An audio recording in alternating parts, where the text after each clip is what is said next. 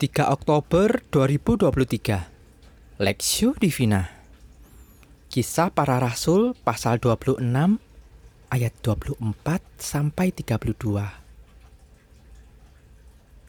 Sementara Paulus mengemukakan semuanya itu untuk mempertanggungjawabkan pekerjaannya Berkatalah Festus dengan suara keras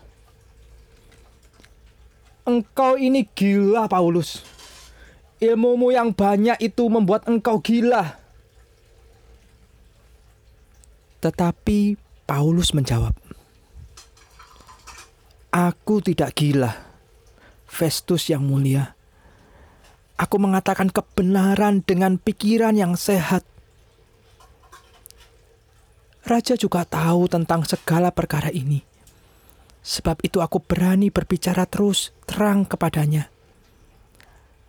Aku yakin bahwa tidak ada sesuatu pun dari semuanya ini yang belum didengarnya, karena perkara ini tidak terjadi di tempat yang terpencil.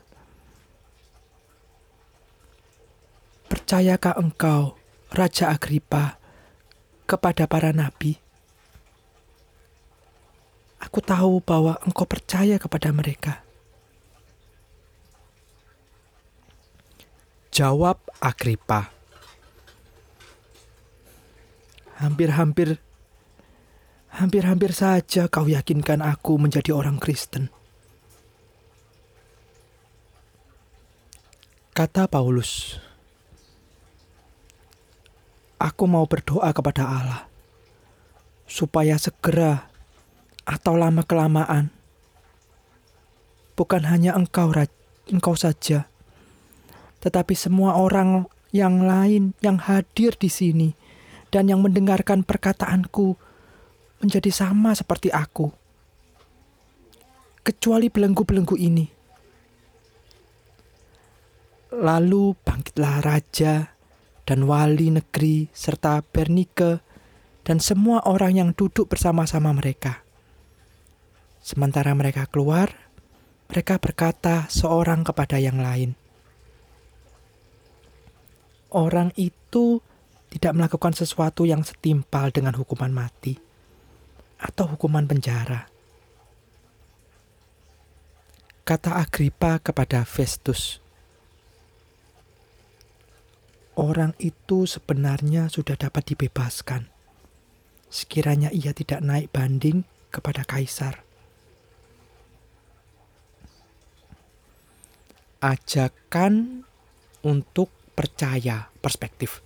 Kata Paulus, aku mau berdoa kepada Allah supaya segera atau lama-kelamaan bukan hanya engkau saja, tetapi semua orang lain yang hadir di sini dan yang mendengarkan perkataanku menjadi sama seperti aku, kecuali belenggu-belenggu ini.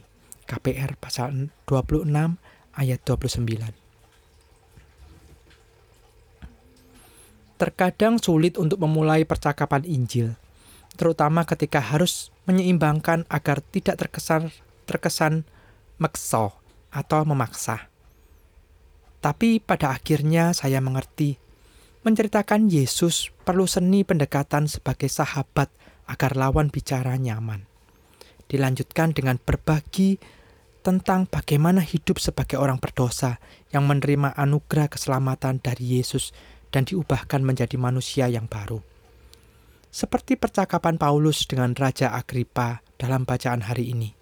Dimulai dengan Festus yang menceritakan latar belakang dan juga segala tuduhan terhadap Paulus. Kini giliran Paulus memberikan jawaban melalui retorikanya.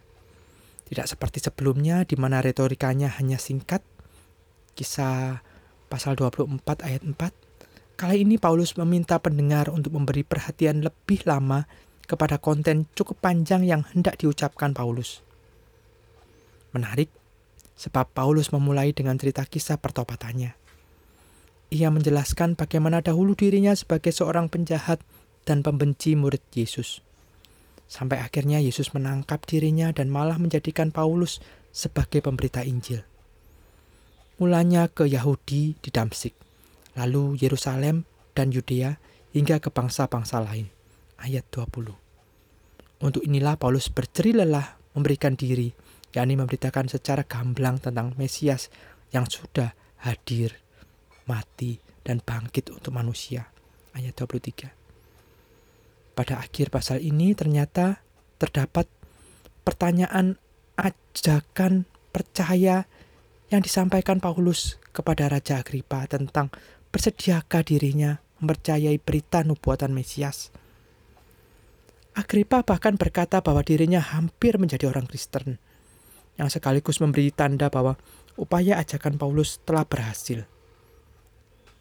Jadi, sebagai orang yang diberikan misi untuk memberitakan kabar baik, tiap kita perlu mempelajari seni berkata-kata agar efektif untuk dapat didengarkan orang lain.